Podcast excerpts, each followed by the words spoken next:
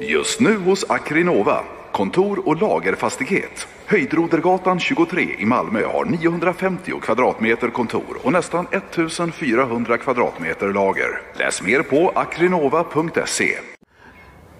Hur är det med Paul Klinge nu? Jag tänker att förra,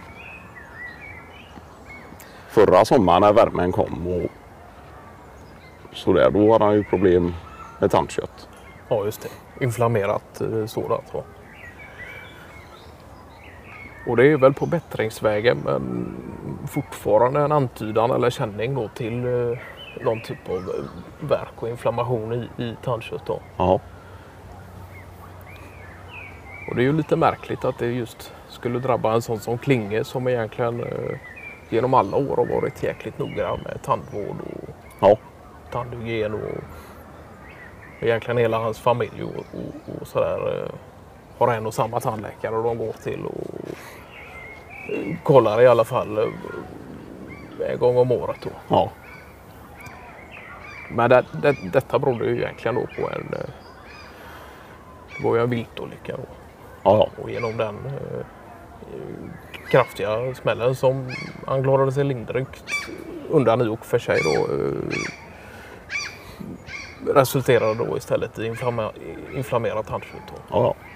Så det var ju inte så att han hade slarvat med tandhygien eller liknande nej. utan det var ju en olyckshändelse. då. Som för- förebådade detta. Ja. ja, just det. För det blev något.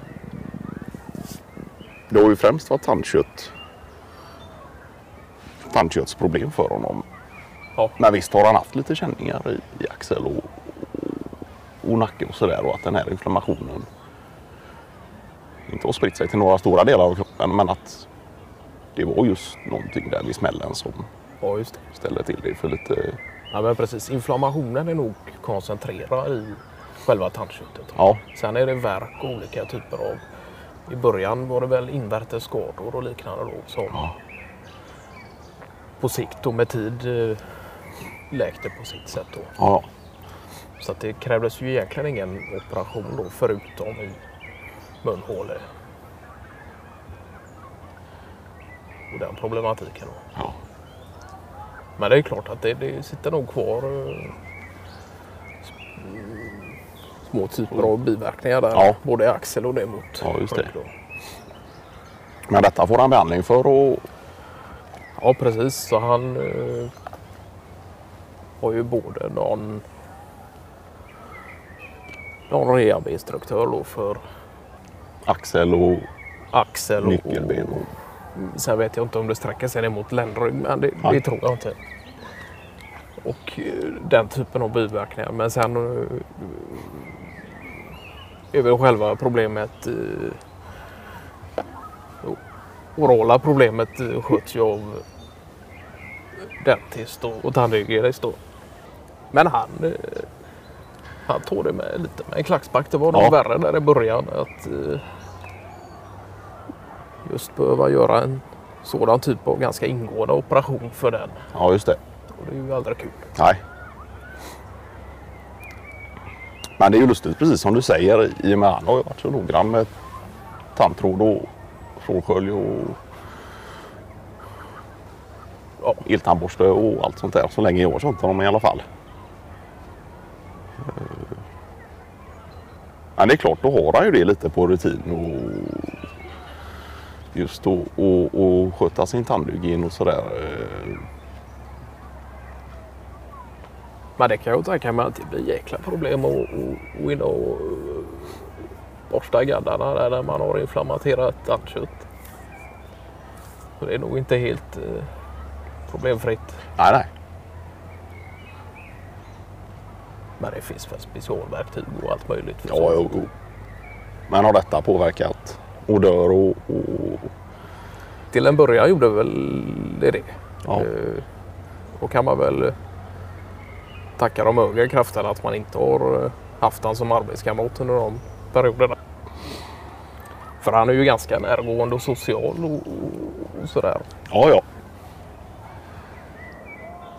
Men sen tillkommer det, sen tillkommer det väl också någon typ av in, in, antiinflammatorisk medicin på det då. Ja, ja. Ja, ja. Att det är ju inte bara operationsingrepp utan det är ju också någon typ av eh, medication på det då. Ja, ja. Men det är klart att även om det uppstått sådana här typer av problem med tandhygien och så vidare och, och lite känningar i axel och, och sådär. Så det är klart att en, en viltolycka är ju ingenting du eh, nödvändigtvis kommer så pass lindrigt Nej, undan med då. Så eh, Nej speciellt inte när du har med otur, ja. en 250 kilos eh, galt att göra. Nej.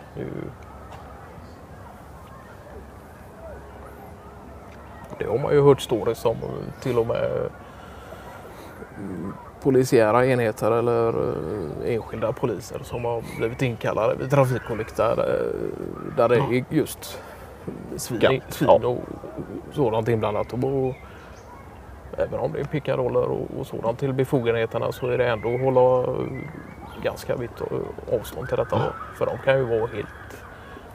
Åker de på en sån och lever så kan ju de vara helt uh, ursinniga och, och sådär. Det var någon lastbilschaufför hörde jag då via P4 som hade kört på någon jäkla stor gris då. ja, som resulterade sig att den låg kvar under fordonet levande då. åh fan. Han vågade inte gå ur. Nej, Utan han ringde ju larmcentral och, och polisen kom på plats och, och, och jägare och, och dylikt då.